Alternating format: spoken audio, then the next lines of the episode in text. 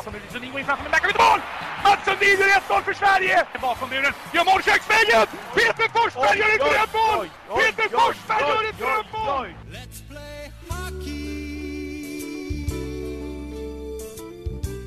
Välkomna till eh, Hockeystudions podd med mig Thomas Ros och eh, Sportbladets eh, Hans Abrahamsson. Kul att se dig igen. Ja men trevligt att vara här igen Thomas. Hur var din helg? Väldigt bra måste jag säga. Jag var ganska fri från hockey så att jag var inte på någon match i lördag, såg bara lite på TV och eh, igår hade jag en dag helt off från hockey. Så det är skönt att ladda batterierna någon gång. Men du är väl hockeytränare eh, på din civila tid fram, Ja. med, med någon, någon U12-lag eller U10-lag där i Gävle? Ja vi hade ju en viktig match där med Strömsbros U10. Det, det hade vi på lördagen. Men det gick bra det också faktiskt. Så att eh, hockey blir det ändå. Hur är du som tränare? Eh, hur jag som tränare? Nej, jag försöker, jag försöker verkligen att få, de är så små fortfarande, de är tio år så att jag eh, försöker peta så lite som det bara går. Stötta mycket, peta lite i det de gör utan det är ju fantastiskt att se dem hitta egna lösningar och så här problem. Jag är inte någonstans som står och gapar och skriker och talar om vart de ska slå passningarna eller vad de ska göra. Så jag hoppas inte jag är det i alla fall. Du, eh, till vårt eh, första ämne. Idag, måndagen den 20 februari, har Sportbladet lanserat ett stort grepp gällande eh, SHL och Hockeyallsvenskan. Eh, från och med nästa säsong så tickar ett nytt avtal in eh, som till stor del eh, ägs av TV-avtalet mellan Simor och SHL och det här gör att varje klubb i SHL får 42 till 48 miljoner från och med nästa år i bidrag från SHL, intresseföreningen SHL. Och motsvarande belopp för Hockeyallsvenskan blir 2,3 miljoner kronor. Och det här är en jätteskillnad från hur det har varit tidigare är just nu. Det vill säga skillnaden mellan att spela i SHL jämfört med Hockeyallsvenskan blir ganska stor om vi pratar bara ekonomi. Varför har det blivit så här? Eh, först vill jag säga det också, vi ska förtydliga att nästa år är det, men det gäller säsongen 18-19 då framförallt det här, de här åren. Men det är rätt med nästa år men att det är eh, säsongen 18-19 som det här nya tv-avtalet börjar ticka in. Eh, jag tror helt enkelt att det handlar om att man vill, eh, man vill ha en så stängd liga som det går. Nu har man testat, eh, känt lite grann på det här med att stänga en liga och eh, opinionen där och känt att det funkar inte riktigt Men i vadå Sverige. vill ha en stängd liga? Ja, alltså att risken att åka ur ska vara så liten som möjligt i och med att man bygger upp de här stora apparaterna i SHL där det blir jättejobbigt när man åker ur. Och så man, vill, man vill ha en så trög nedflyttning i systemet. Jo men SHL kan ju inte styra över marknaden. Eller hur? De har ju bara sålt en tv-rättighet och fått väldigt bra betalt för den. Ja, jo, jo, men du har ju alltid, en, du har ju alltid, en, eh, du har ju alltid ett val att fördela pengar ändå även om du sitter på mycket pengar. Du menar att SHL ska skicka ner pengar till gräsroten? Med? Ja men det är ju självklart att det finns ett sådant alternativ. Det tycker jag definitivt. Och det finns ju olika sätt att göra det. Antingen kan man fördela TV-pengarna som fotbollen har gjort 75-25 mellan Allsvenskan och Superettan. Eller så kan man ju införa ett, eh, lägga mera pengar på det här när man plockar spelare från Allsvenskan. Att vi har det här, de övergångarna att eh, Allsvenska klubbarna och division 1-klubbarna får bättre betalt för de spelare som de skickar uppåt i, i SHL. Där. För det har, ju, det har ju varit ingenting alls tidigare och nu har det ju blivit en, en symbolisk summa kan man väl kalla det om man vill vara lite krass. Och eh, där skulle man också kunna lägga mer pengar på det. Om man nu är intresserad av att fördela pengarna på ett annat sätt än det det är idag. För, för hur den ser ut från 18-19 en SHL-klubb har ju mera pengar, i, i av, mera pengar från avtalen än vad alla allsvenska, hockeyallsvenska klubbar har tillsammans. Så det är klart att det, där blir det ju en snedfördelning. Och vi har ju varit inne på det här tidigare också. Att det finns ju en girighet på något sätt inom SHL. Bland annat det här med nykomlingen tycker jag som då ska stå för hela den här fallskärmen till det laget som åker ur. Istället för att alla är med och bidrar på ett solidariskt sätt med 500 000 var så ska då den här nykomlingen betala 6 miljoner. Och där tycker jag man är lite farligt ute. För det, alltså, Ska SHL få upp spelare så krävs det att vi har en bra bredd också. Vi måste ju producera spelare i division 1 i Allsvenskan som, som kan gå upp i SHL sen. Och blir det för lite resurser där nere så kommer det inte att komma upp lika många bra spelare heller. Nej. Eh, nu känner jag ju igen den här diskussionen och man har ju haft den både för tio år sedan och fem år sedan att ja men nu blir SHL en stängd liga. Det vill säga liksom det har skett förändringar i seriesystemen som gör att det ska bli tuffare att gå upp. Ekonomin har också skenat i SHL men inte skenat i Hockeyallsvenskan. Och när TV-avtalet för massa år sedan eh, förändrades från 17 miljoner till 25 miljoner och idag så är det 29 miljoner. Ja, då trodde man också att det skulle bli en stängd liga men det har det inte blivit. Ser vi till statistiken så är det ändå i snitt ett lag som tar sig upp från Hockeyallsvenskan till SHL. Så att är det inte bara att vi tror att det blir en stängd liga? Nu har ju inte det här slagit igenom med full kraft än. Leksand, det Leksand gjorde förra året var det ju inte många som trodde var möjligt. Nu lyckas man med den biten men det är ju inget snack om att det kommer bli svårare. Dels har du den sportsliga biten med att du, du kan inte ställa, du har spelarbudgetar som inte är i närheten av SHL-lagens budgetar. Sen har du ju också det här med eget kapital och arenakraven och det här. Det är klart att jag tror att det här egna kapitalet kommer att höjas successivt också. Och det är klart, får du in 45 miljoner varje år i centrala avtal då är det ju lättare också att, sitta, och, och bygga upp ett eget eget kapital som kanske ligger på 10 miljoner om, om några år. Och, och har du då 2,3 miljoner som de allsvenska klubbarna får i tv-avtal så är det ju snudd på omöjligt att, att bygga upp ett sådant kapital. Så jag tror att liksom den sportsliga klyftan kommer att öka på grund av jättestor skillnad i spelarbudgetar. Men även den här biten med, med arenakrav och eh, eget kapital kommer ju också. Så det är en dubbeleffekt. Alltså kommer att göra jättesvårt att gå upp. Det är möjligt att du klarar att gå upp rent sportsligt. Men klarar du kraven sen då när du, när du har gått upp? Så det är två steg där du måste passera för att överhuvudtaget komma upp i, i SHL. Mm. Men så du menar att SHL då, att typ Linköping ska skicka pengar till, till Vita Hästen för att hjälpa Vita Hästen att få en bra verksamhet? Är det så du menar? Nej men det jag menar är att det finns ju en, en kaka om man slår ihop den här SHLs och Hockeyallsvenskans eh, tv-avtal tillsammans och centrala avtal ihop i en enda pott så kan man ju därifrån göra en rättvisare fördelning. Nu ligger den väl på 95,5 eller kanske möjligtvis 93,7 procent då, mm. från 18-19. Det kan man väl tycka inte är riktigt rätt. Nej, om man ska se, ta ett helhetsperspektiv på svensk hockey. Ja men det är det det handlar men, men, om. Men, ja, men, men ändå, vadå SHL, om de är skickliga på att förhandla. Ja. Varför ska de ge bort pengar till en liga eller en annan företag eller en annan intresseorganisation som, ja det är inte en fiende eller en konkurrent Ja på ett sätt så är det en konkurrent. De konkurrerar om, om, om uppmärksamhet i, i, eh, i Hockeysverige. Men jag förstår inte varför de ska ge bort pengar. Jag förstår Nej, inte. Det, det är ju som eh, Aftonbladet som är det största mediehuset i Sverige. Eller Schibsted-koncernen. Det är som att vi ska ge pengar till Länstidningen Södertälje för att hjälpa gräsroten att, att gödas även i mediasverige.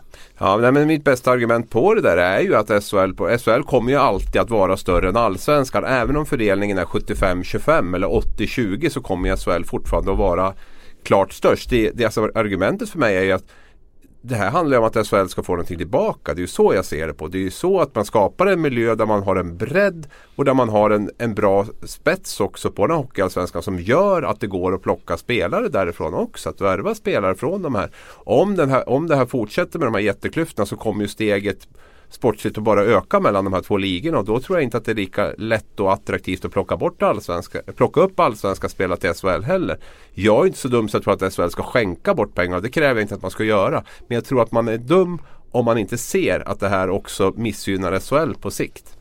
Mm. Ja, jag förstår vad du menar och jag hör vad du säger i alla fall. Men jag tror att det är svårt om man ska tänka sig som exempelvis en klubbdirektör i, ja, i Brynäs, Linköping, Eh, Djurgården, Örebro Främst då Djurgården och Örebro då och, och kanske Rögle och Leksand som liksom är nära att åka ur SHL nu. Då ska man då Man har tillverkat en produkt, man har tillverkat ett hockeylag, man har en arena man har satsat pengar i och sen så har man då lyckats förhandla fram ett jättefint avtal. Ett fina, fina sponsorer som hjälper till och, och vill synas i Sveriges finaste liga. Och då ska man då ge bort en del av den kakan till värsta konkurrenterna. Det vill säga Mora, Karlskoga, Panten, Timrå just nu som är topplag i Allsvenskan.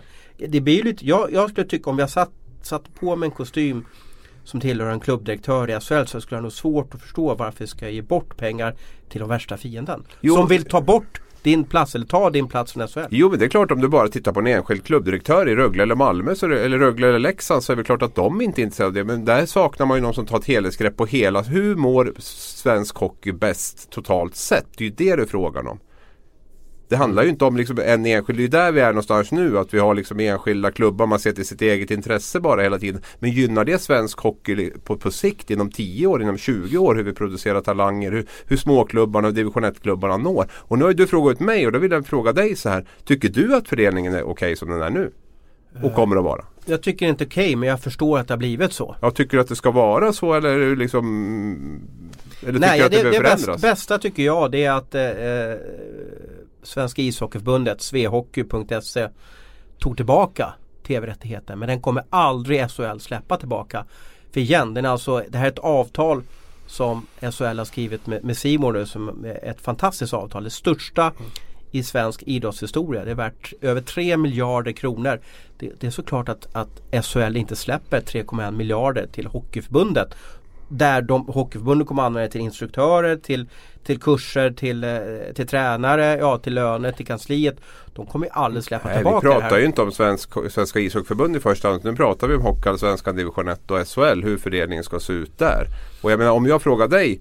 Tror du på sikt att den här segregeringen som är just nu att den gynnar svensk hockey på, på sikt? Nej jag tror att vi får en stängd liga. Jag tror Mm. att pengaskillnaden blir så gigantiskt stor att du kan köpa dig ett lag som inte riskerar att åka ur. Du kan köpa det sådana, sådana duktiga hockeyspelare så att de kommer inte ha, ha ja det ska vara någon otroligt otursaktig två veckors period som är att många blir skadade och sjuka. Då kanske man kan åka ur i det här kvalspelet som avgörs i bästa av sju matcher mot ett hockeyallsvenskt lag. Och om man gör det då, om man nu lyckas ändå liksom mot det här och, och klara av det sportsligt. Tror du att en sån klubb har någon möjlighet att, att gå igenom de här kraven som var? Tror du att det blir en dispens alla Karlskrona igen i Ja SHL? det tror jag övertygad om. Jag tror att tyvärr, jag har aldrig varit med om att, att ett hockeylag i SHL har blivit nedgraderat på grund av att man har fel arena eller inte rätt stoppning i, i stolarna. Nej, men det där har ju skruvats åt Ja, ytterligare. Anders Larsson, Hockeyförbundets ordförande, var ju väldigt tydlig också med att han verkligen Ja, tror bakom de här vågar. kraven. Jag tror inte de har kraften att, att skicka ner ett lag. Jag tror att det,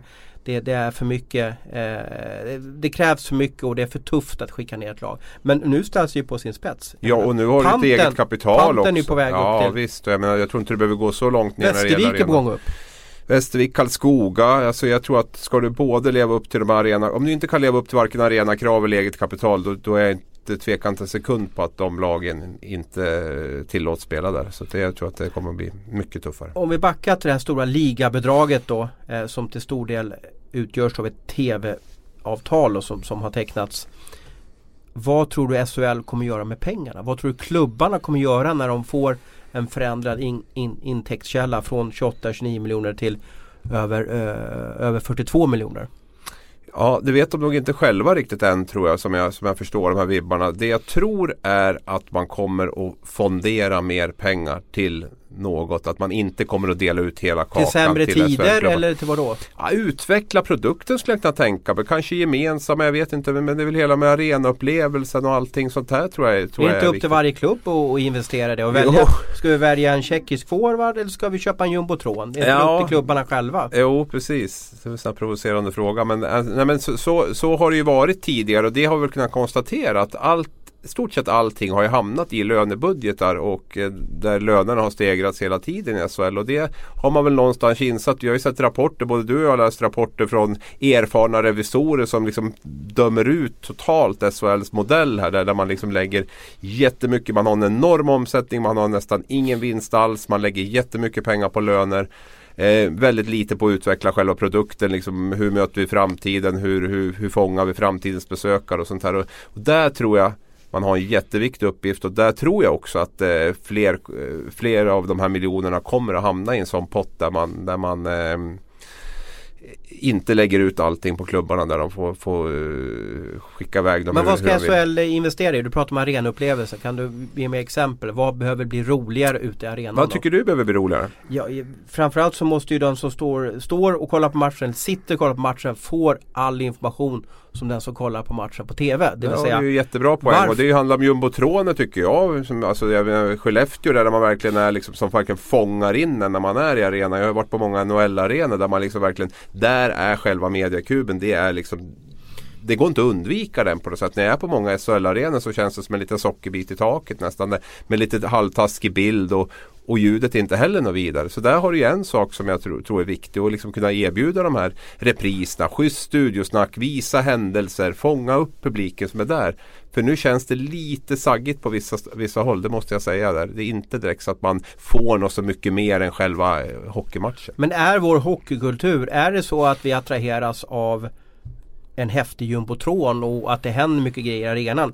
Är det inte klacken, och, eller två klackar i, på, i arenan och är det inte liksom själva hockeyn som står i fokus i, i eh, Där har du ju SHL. en annan bit men jag tror också att, eller jag vet skulle jag vilja säga att det här behovet av att liksom se situationer igen, få vettiga analyser från duktigt folk på plats och sånt. Det, det, det tror jag folk har vant sig vid på ett sätt från de här bland annat tv-sändningarna. Så går man dit till arenan nu så vill man ju även ha den biten nu förutom det här med, med, med klackarna, bra stämning, närheten till matchen och, och allt det här som kan erbjudas. Men eh, Ja, man förväntar sig mycket mer idag än, än, än bara schyssta, två schyssta klackar och en, och en bra hockeymatch. Mm.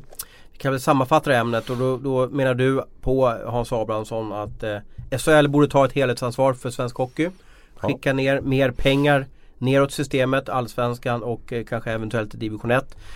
Du är inne på att SHL, om du fick vara Jörgen Lindgren för en dag, borde också då ta hand om den här äh, gigantiska intäktskällan man har fått och satsa på SHL som helhetsprodukt och att utveckla arenaupplevelsen bland annat och se till så att eh, det blir roligare att gå på svensk hockey. Är det så du ser på, på det här avtalet att, och i alla fall att du hoppas att det kan ge någonting bättre för ligan framöver och inte bara öka på eh, lönepengarna till de här tjeckerna och finnarna. Ja, det enda jag skulle vilja lägga till där är väl att egentligen tycker jag att Svenska ishockeyförbundet har ett jätteansvar här. Nu är det som du säger att de har ju sålt bort möjligheterna med det här med tv-avtal och mycket annat för att kunna ha tillgång till spel under landslagsuppehåll och vidare. Så, men, men, eh, så som det är nu så sitter ju SHL på bollen. Jag skulle önska att det, att det fanns förbundet som en samlande kraft från Hockeyettan upp till SHL där man är med och, och bidrar till en schysst fördelning. Tyvärr sitter vi de i en situation nu där, där makten är hos SHL.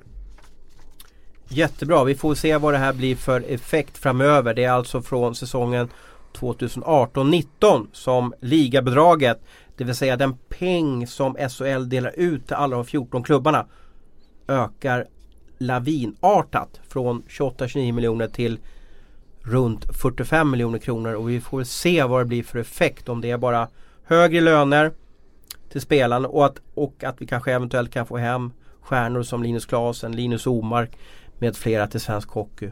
Eller hur blir effekten? Vi får se. Stängd liga också intressant. Nästa ämne är Skellefteå AIK. Klubben och laget som alltså gått till fem raka fel. De har vunnit serien fem år i rad och varit en stor maktfaktor i svensk hockey. Just nu är de femma i SHL och jag undrar ju då Är epoken Skellefteå över? Eh, rakt svar ja. Jag Varför tror, då? Varför då? Jag tror det. Dels har man dels är det ju alltså, historiskt sett så, så är det ju otroligt svårt att man har sex raka SM-finaler nu. Eh, och hålla sig kvar på den här toppen är ju extremt svårt. Vi kan ju titta på Färjestad, vi kan titta på HV, det finns några andra lag där. Så, att, eh, så det talar ju på ett sätt emot dem. Sen eh, tror jag ju att eh, tappet av Lasse Johansson där som general manager eh, är blytungt för dem. Han var ändå på något sätt den som, som drev Skellefteå till väldigt stor del sportsligt och eh, var den här blåslampan hela tiden på, på eh, alla att liksom hela tiden utvecklas, aldrig vara nöjda, hela tiden bli bättre och eh, nu finns inte han kvar och jag jag tror nog att Skellefteå kan vara med liksom på den övre halvan och så. Men att man ska gå till sex SM-finaler till eller vara ens nära det, det, det, tror jag inte. Nej. Vad var hemligheten som du ser? Du nämnde ju Lasse Johansson. Men vad, vad, om vi bortser från Lasse. Vad är det som har gjort att Skellefteå har gått från att ha varit allsvensk lag, kommit tillbaka, tagit steg för steg varje år och sen som du säger vunnit två SM-guld och varit med i sex SM-finalen och vunnit serien fem år i rad. Vad är det som gjort att de har lyckats ta de här stegen och blivit ja, det bästa vi haft i, i svensk hockey? Dels tror jag att man har fått in eller fick in ett väldigt, väldigt driv i föreningen. Man hade, man hade varit nere på botten och vänt någonstans. Och man kände att nu, nu är det nog. Liksom. Nu, nu ska vi liksom ta oss vidare. Och det här liksom lyckas man ju plantera in i hela i hela klubben på ett sätt som, som gjorde att, eh, att man fick ett väldigt kollektivt kraft i allt det här. Sen tycker jag också att man har rent spelmässigt har man varit framkant. Det är Skellefteå som har liksom drivit den här utvecklingen som vi ser nu som så många lag har försökt kopiera och gjort. Man har tittat liksom vad är liksom nästa steg med hockeyn? Ja det var ju det här mycket stort puckinnehav, spela hela tiden, sätta press, eh, de bitarna här med skottlinjer, sådana saker. Man har liksom varit drivande i den här utvecklingen och det är ju som jag säger Många lag har tittat på Skellefteå men sällan blir ju kopian lika bra som originalet och där var man först på då sätt och liksom mm, och det, det tror jag man fick stort, väldigt bra betalt av. Sen tredje part också att man varit jäkligt smart med sina sätt att bygga trupperna där man hade den här juniorsatsningen. Låga löner på väldigt, man betalade väldigt höga löner på eh, 6-7 stjärnspelare medan man hade en eh, sju, åtta spelare som var väldigt duktiga hockeyspelare. Unga killar från egna län som inte alls hade eh, lika, som hade ganska dåligt betalt kort och gott. Och eh, där hittar man ju en bra balans också i spelarbudget. Man maximerade liksom det, det man fick ut i, i, i spelarbudgeten på, på ett jäkligt smart sätt. Jag undrar också, jag håller med exakt vad du säger. Det är ju svårt att gå till den här framgångssagan Skellefteå.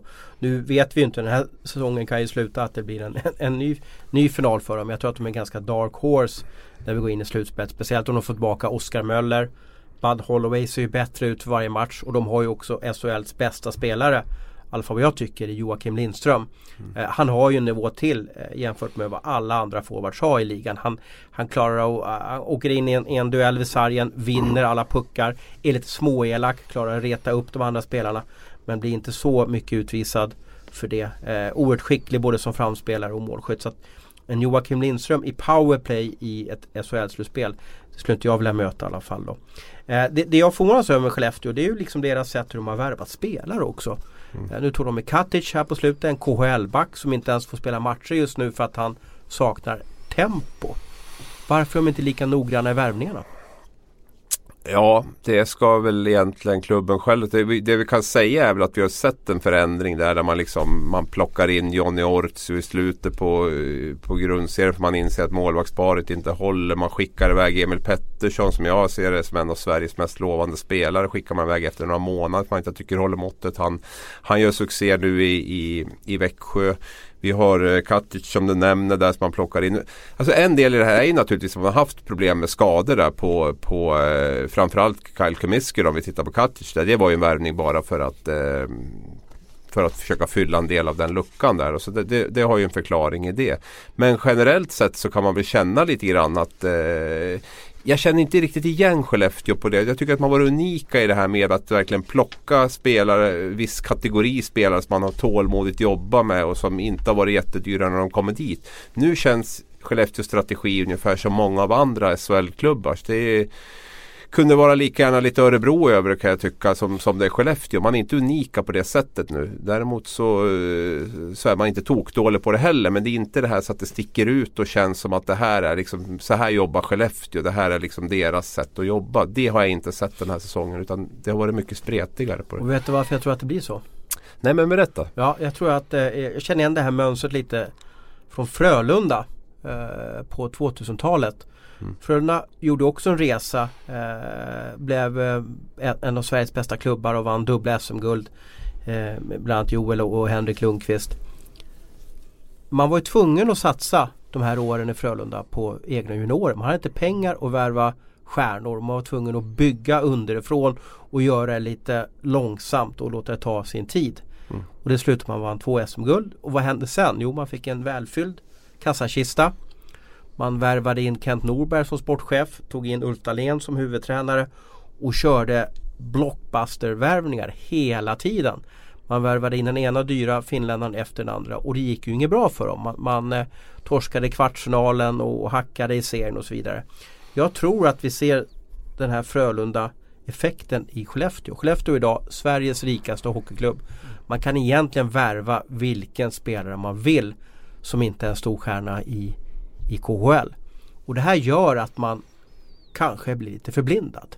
Man kanske inte väger pengarna lika noggrant som man gjorde tidigare. Jag vet att klubbdirektör Pia Israelsson Quality sleep is essential for boosting energy, recovery and well-being. So, take your sleep to the next level with Sleep Number. With a Sleep Number smart bed, you can individualize your comfort level and enjoy a better sleep night after night. JD Power ranks Sleep Number number 1 in customer satisfaction with mattresses purchased in-store. And now the Queen Sleep Number C4 smart bed is only $1,599, a saving of $300 only for a limited time. For JD Power 2023 award information, visit jdpower.com/awards. Only at Sleep Number stores or sleepnumber.com.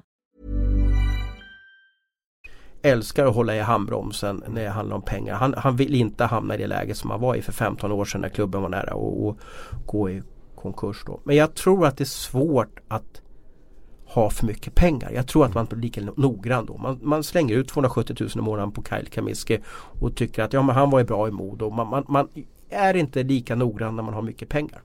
Nej, det, det, så är det ju. Det, det är ju. det är mänskligt på något sätt att det är så. För klart, sitter man med jäkligt mycket pengar och man känner att vi saknar en back eller vi saknar en forward. Vi sitter med jättemycket pengar. Men det är klart att det blir en naturlig del i att man, ja, men då, då, då lägger vi en del av våra pengar på, på det här. Så att, eh, det ser jag väl eh, som högst mänskligt att det, att det blir på det sättet. Sen tror jag också att det var väldigt viktigt för dem. Att det är väldigt viktigt för dem att lyckas den här säsongen på något sätt. Och visa det att Lasse har försvunnit, även Wallson har försvunnit. Och så här. Men det var inte de som liksom låg bakom Skellefteå. Utan det finns fortfarande Kraften finns fortfarande kvar där. Därför tror jag man är väldigt, väldigt mån om att man ska inte misslyckas i år eller att man ska, ska lyckas då och liksom gå lika långt det här året. Därför tror jag också att man har ja, panikvärvat lite grann känner jag. Målvaktsvärvningen lite grann sådär. Man tog hem Bud Holloway som kändes som ett lite osäkert kort på ett sätt ändå. Man, man har liksom, man plockar in Katic här och, och, och, lite sådär. Så det känns lite som att man, eh, man är väldigt mån om att eh, det ska gå bra även i år. Sen, sen så måste man ju säga med Skellefteå om man kollar på alla spelare de har förlorat senaste åren. Och det är ju smått otroliga spelare som har lämnat klubben. Det, det, kan ju inte, det är en av de största spelarflykterna jag varit med om senaste fem åren. Eh, om vi bara läser lite vad de tappade inför den här säsongen då. De har alltså tappat John Norman, Patrik Zackrisson, Mattias Ritola, Arvin Lundberg, Martin Lundberg, Anton Lindholm, Tim Hed. Och sen, jag vill inte nämna Erik Hanses där riktigt då för det, det valde de ju själva. Men mm. det är oerhört många spelare de har blivit av med i alla fall inför den, här, inför den här säsongen. Och det går ju inte, man ska ju inte kunna få jackpot eller, eller slå dubbelsex med tärningarna år efter år. Det är för stora tapp och sen har ju även då backfabriken som de blivit kallade för. De har inte levererats lika bra backar än fast han Filip Lundberg, är det korrekt namn, heter han så? Backen, Filip Berglund. Berglund, Filip mm. Berglund. De säger att han är riktigt bra och kommer att bli bra då. Mm. Så jag, eh, jag, förstår ju att de inte lyckas i alla fall. Det går ju inte att, men som igen, Zachrisson, John Norman och Ritola. Då, det, säger, då säger jag Joakim Lindström, Oskar Möller, Bud Holloway in. Ja det, det är visserligen bra där då men de, då har du ändå att Anton Lindholm, Tim Hed på backsidan då. Mm. Det är inga dåliga pjäser. Nej, och jag kan inte säga att Johan Alm har blivit så bra i alla fall. Nej, Johan Alm var ju duktig back när han var där uppe och hade lite jobbigt i, i Nordamerika. Men han har ju kommit tillbaka och Kyle Kamiski kom tillbaka också. Så tittar man där så, så skulle väl Kyle Kamiski i alla fall ta, eh, ta Tim Heds plats och eh, Johan Alm skulle ju kunna fylla Anton Lindholms plats där. Va? Så det, är, det är inte så riktigt. Johnny Ortio är en förstärkning av målvaktssidan. Så jag, jag, tycker inte att man har så, så mycket sämre lag på pappret i år än vad man, vad man hade förra året. Det största tappet kom väl efter andra SM-guldet 2014 där man tappade sina 9-10 mm. bästa poängplockare tror jag. Och ändå här, gick man till final. Jo, men så här är det ju också. De lagen som vinner och man har, vad ska man säga, kalla det för, fel spelare som producerar. Det vill säga som kan vara aktuella för NHL från K eller KHL. Det vill säga spelare som inte varit ute och gjort ett utlandsrace. Mm. Det bästa är att vinna med 32-åriga spelare som varit ute, tjänar pengar, kommer hem och vill köra 3-4 år, avsluta och vinna. Lite som Jörgen Jönsson-epoken i Färjestad eller Johan Davidsson-epoken i HV71. Mm. Det vill säga man har rätt spelare som är bäst som inte är intresserade av att åka utomlands igen. Det är ju absolut det bästa för laget. Har man stjärn-20-åringar som är bra, då vet man att de drar till NHL nästa år. Då. Men det är ju en månad kvar av den här serien. Det är två månader, två år, eller två månader kvar av den här säsongen. Hur bra blir eh, Skellefteå och har de någonting och kan de gå till en till final? Eh, det kan de absolut göra. Jag tror inte att de gör det. Samtidigt så tror jag att de går till semifinal. Minst. Så att, eh, ja men de är femma nu. Ja. Det innebär att de eh, troligtvis kommer ha borta fördel eh, eventuellt mot Linköping. Då. Ja, bort, borta nackdel. Ja, borta nackdel. Borta ja. nackdel, ja. Nej men det, det, tror jag inte spelar så jättestor roll i det där. Nej men jag tror att Skellefteå har en bra chans att gå till semifinal. Jag tror inte att de går till final. Det är bara min känsla vad jag säger nu. Sen vet både du och jag. Det händer så otroligt mycket i slutspelen. Målvakt blir påkörd, borta. Har de hungern då i klubben? Har de hungern i föreningen eftersom de har varit med och haft så mycket framgångar? Jag tror nog att man vill och det är ju till viss del en ny ledning nu också med ny huvudtränare, ny sportchef och allting. Så jag tror nog att de brinner för det, det tror jag. Sen om de klarar att få ihop det här stora pusslet, det är jag lite mer osäker på. Men jag tror nog att man brinner utav, man brinner nog för att visa den här säsongen att eh, Skellefteå klarar sig utan de här två som har åkt till Schweiz. Eh, Men om de får möta Linköping i kvartsfinal hur tror du den serien slutar? Ja, jag skulle väl eh, gissa på 4-3. Man är otroligt jämn serie. Linköping har ju inte varit något jättebra slutspelslag där. Så att, eh, jag tror att det ska bli otroligt jämnt. Det är, eh, men säg att jag ska tippa redan nu då. Eh, så skulle jag väl kunna tänka mig 4-3 till Skellefteå. Då. Mm, Skellefteå har ju också haft ganska lätt för Linköping under en hel del slutspel här. Ja, känns som att alla lag har haft lätt för Linköping måste jag säga på något sätt. När det brinner till i en semifinal och final i alla fall. Jag kommer ihåg när de var med de där två finalerna under Tony Mårtenssons tid där. Oerhört tufft för dem. Där de, där de båda år, åren fick också spela sista matchen på hemmaplan. Och båda åren så fick bortalaget ha, ha segerfest i Cloetta. Eh, Cloetta Arena som det hette på den tiden i alla fall. Ja. Så det var oerhört tufft för Silverköping om man kallar dem för det då. Ja, jo men precis. Så att, eh, sen kan man väl säga att Linköping har haft lite otur att möta Skellefteå mycket. Det, det laget som Skellefteå hade när de vann de två SM-gulden det är väl bland det bästa vi har haft på, under 2000-talet i SHL. De, de två lag, framförallt det andra och 2014 året där var ju ett fruktansvärt lag. Jag tror att Skellefteå blir att räkna. Jag tror de kan bli livsfarliga om de får tillbaka Oskar Möller.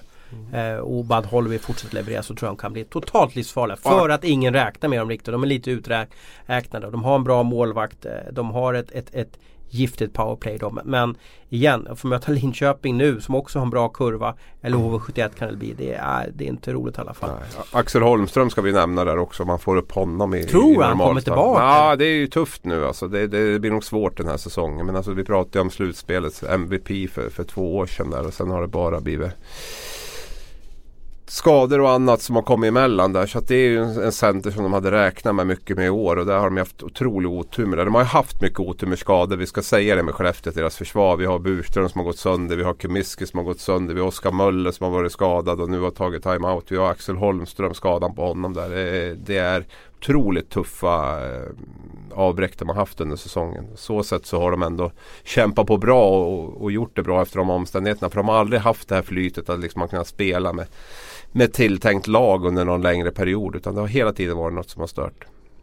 Vi får se. Eh, slutspelet börjar eh, om några veckor och sen pågår det i eh, cirka sex veckor. Så vi får se om det blir en ny final uppe En sista fråga bara om Skellefteå där. Vet du hur många Skellefteå-forwards som har gjort mer än 20 poäng den här säsongen?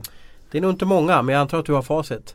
Ja det är två. Två. Det är Joakim Lindström och Per Lindholm. Ja just det. Per Lindholm har ju ett bra, eh, han har också varit borta. eh, Han har ju inte heller spelat hela säsongen så han har ju ett bra poängsnitt tyckte jag mig se i alla fall. Men Joakim Lindström är ju fantastiskt duktig i alla fall. Men det är också ett miss att säga att inte fler är Bekymmer inför slutspelet. För jag menar om du skulle vara coach i ett motståndarlag och ställs mot Skellefteå. Vilken spelare skulle du plåga i byte efter byte Ja, det är Joakim? Lindström. Ja. Ja. Och han måste få avlastning. Det är det jag menar med Axel Holmström, med Oskar Möller, några till som måste komma upp och leverera. Du behöver ha 6-7 forwards som är hot i, i ett slutspel. Mm, spännande. Eh, nästa fokusklubb som vi ska ha i det här programmet är Djurgårdens IF. Eh, eh, den klubb som du pekade ut och har bästa supportrarna i vår förra podd. Sen var du på en match med Djurgården vet jag bara någon dag efteråt det där.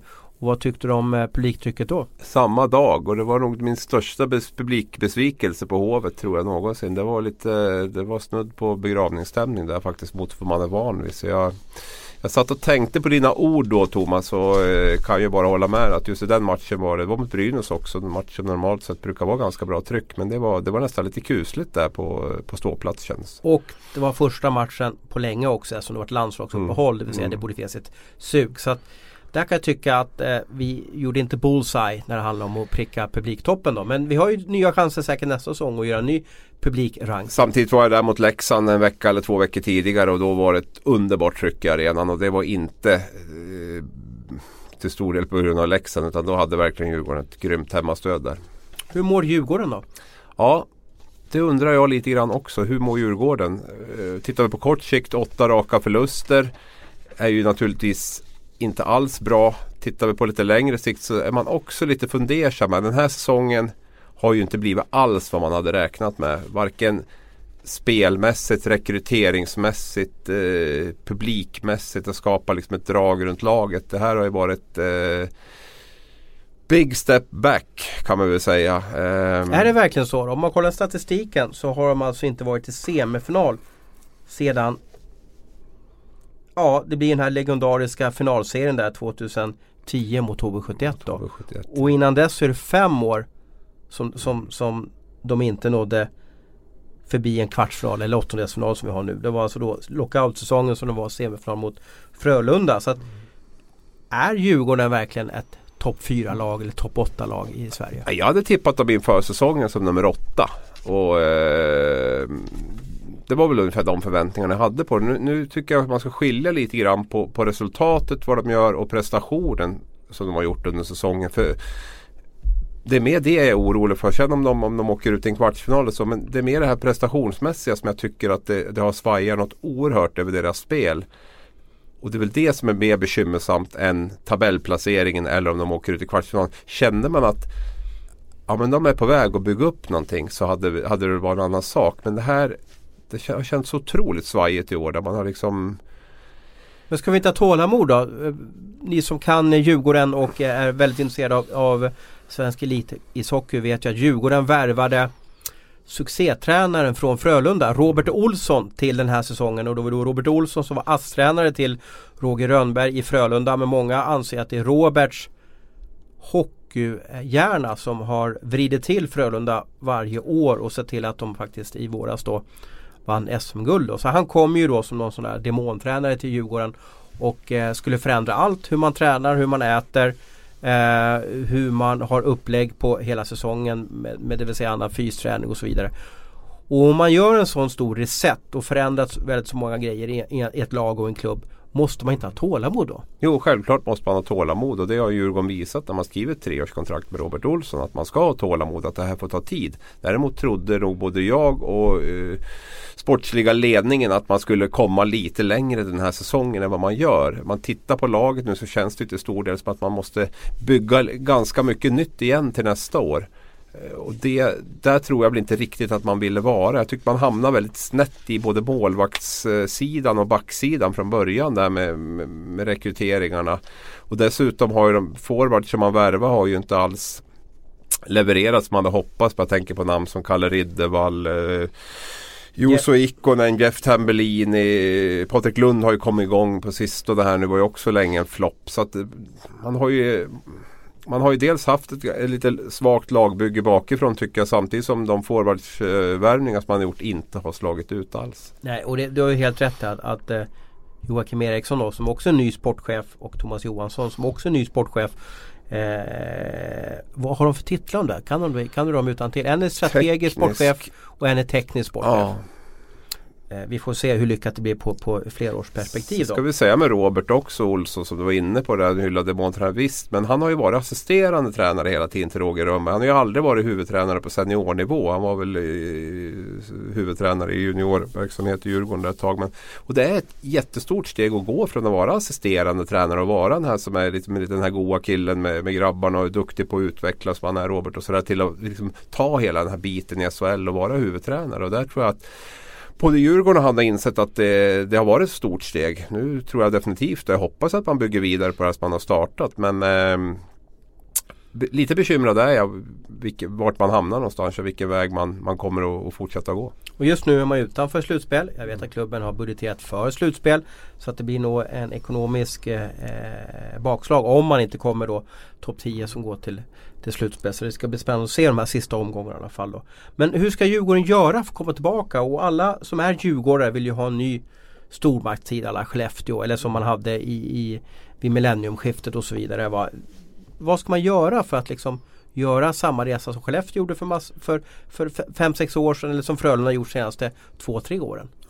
Det där är ju en väldigt komplex fråga att svara på. Men det man kan känna som jag kanske tittar på det är ju att skapa en miljö där spelare blir bättre som kommer dit. Om vi tittar lite grann på, på de spelare som Djurgården har tagit dit i år.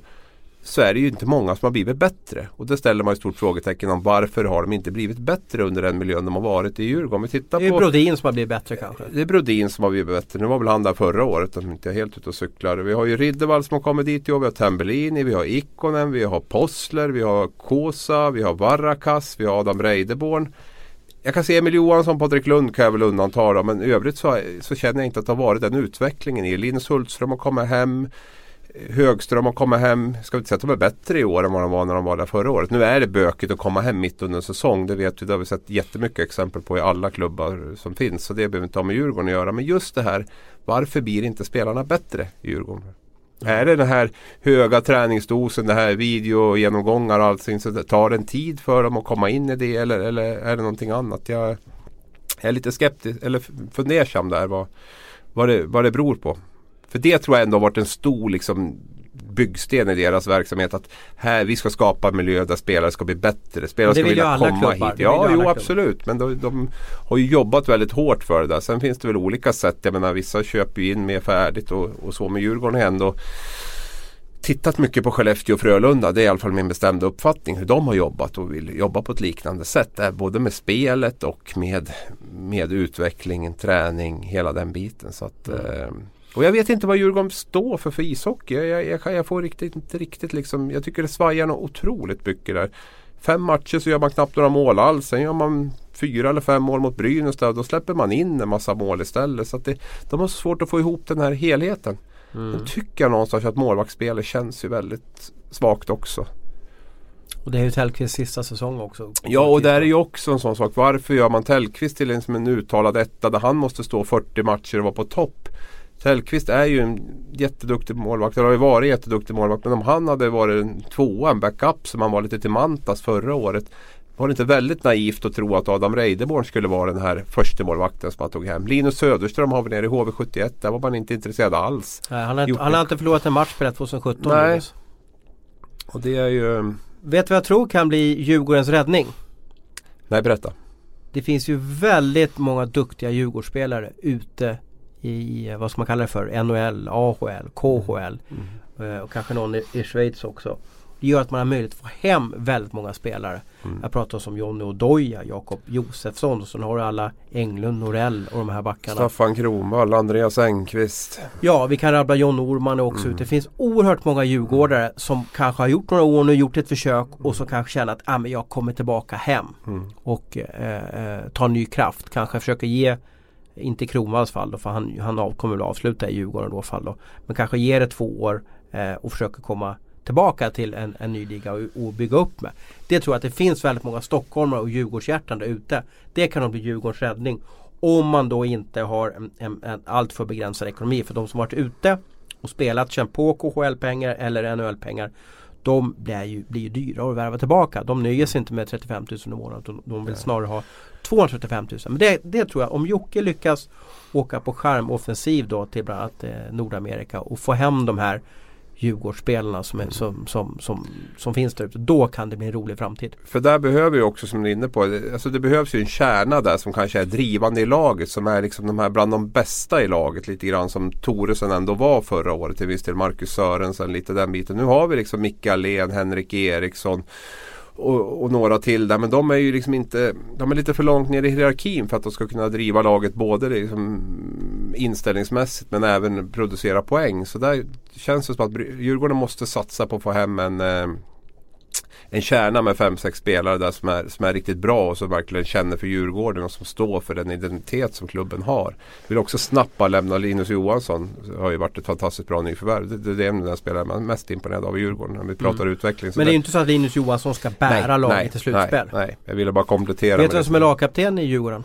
Kalle Riddervall. Ja, och vem startade säsongen som lagkapten? Henrik Eriksson. Och det är lite lattjo också för det här är du och jag vana. Vi som är eh, 70-talister att Djurgården och deras eh, lagkaptens vad ska man kalla det för anda. Mm. Den är ju så gigantiskt stor. Va? Med mm. Thomas Eriksson för några år sedan. Challe Berglund. Mm.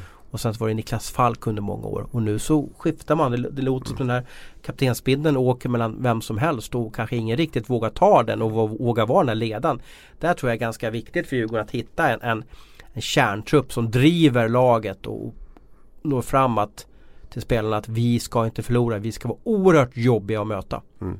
Nej, och det, det, det är precis som du säger. Men att, att Henrik Eriksson och kapten, att Kalle Riddervall är det nu är ju ändå en, inget, ska inte ta någonting från de killarna. Men, men det är ändå ett tydligt tecken på att man har liksom inte de här ledande, givna, givna ledarna i laget som kan ta sig ett C eller ett A på bröstet.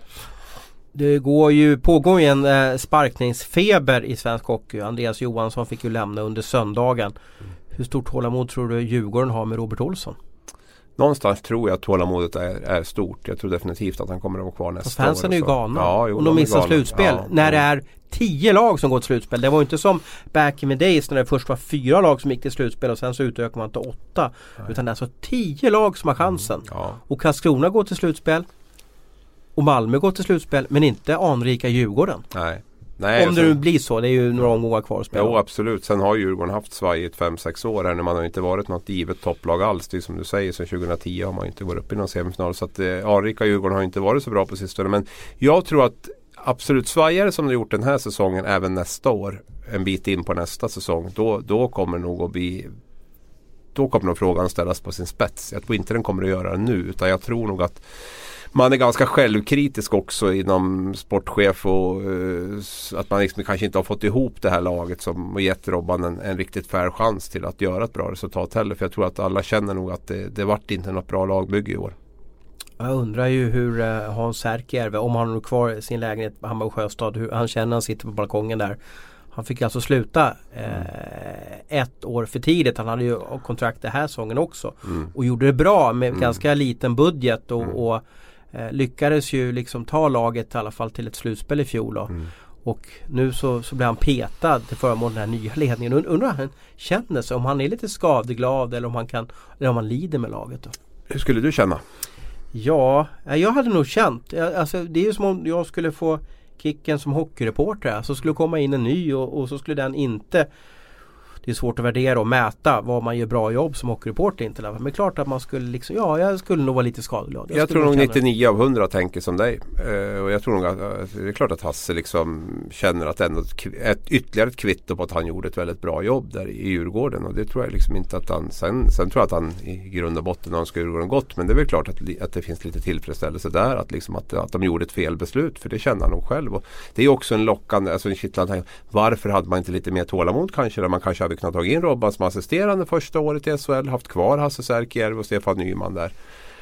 Det menar, han har inte lite så- bråttom och, och bryta ny mark. Djurgården hade väl lite bråttom. Det är inte så himla lätt där. Sam Halland fick ju lite en sån inkörning i SHL. Nu vart det väl en kortare. Tanken var att han skulle köra en hel säsong som assisterande bakom Janne Karlsson sen ta över. Nu fick han plocka, hoppa in tidigare i och med att Janne fick sparken. Men jag tror inte man ska underskatta det där för det är så himla mycket runt omkring som man ska stå för som, som huvudtränare i SHL. Då hade ju Robban i lugn och ro kunnat fått jobba in sina idéer i, i, i Djurgården och, och, Hasse hade liksom stått för den här stabiliteten och haft det här mycket med medier och, och allt vad det är för någonting. Så att, eh, och har ju också ett otroligt högt anseende Hans Särkijärvi bland Djurgårdssupportrar efter allt han har gjort för klubben och den person han är och så. Så att jag tror att det har skapat ett helt annat lugn. Och man hade dessutom, man stod ändå och betalade lönen på Särkijärvi hela den här säsongen. Så att, eh, jag vet inte om det var ett krav för att kunna få Robban loss då från Frölunda där han hade varit assisterande. Men jag tycker han kunde ha köpt det. Ett år som assisterande med Hasse. Du kommer ha stor del i hur vi utvecklar vårt spel och hur vi ska spela och allting. Men, och sen året efter det så tar du över. Ja, men jag tror att det var en utopi. Eh, det låter ju vettigt men jag tror inte att eh, Jocke och Tjomme, Tjomme Johansson var så sugna att fortsätta med säcken. Jag tror de var, Nej. ville bara sätta tänderna i Djurgården och göra nya Djurgården. Och sen Mm. har det tyvärr lite för dem inte gått deras väg den här säsongen då. Nej. Nu kan de ju gå till slutspel, de kan ju faktiskt vinna SM-guld så, så eh, om om två månader kan det vara guldfest på Sergels torg och ma- massa supportrar badar i fontänen. Det är kanske omöjligt nu när de håller på att bygga om Sergels torg då. Men, men, Men det eh, kommer det inte att bli. Nej det kan vi nog slå fast. Ja. Jag tror att alla lag, många lag i det här play-in vill nog möta Djurgården. För det känns som att Djurgården har lite Det är lite, lite trasigt och man har lite gett Ja. upp. Ja. Du, eh, bra tugg och, och kul att få göra den här podden med dig i alla fall. Eh, kör hårt så syns vi om en vecka igen. Det gör vi.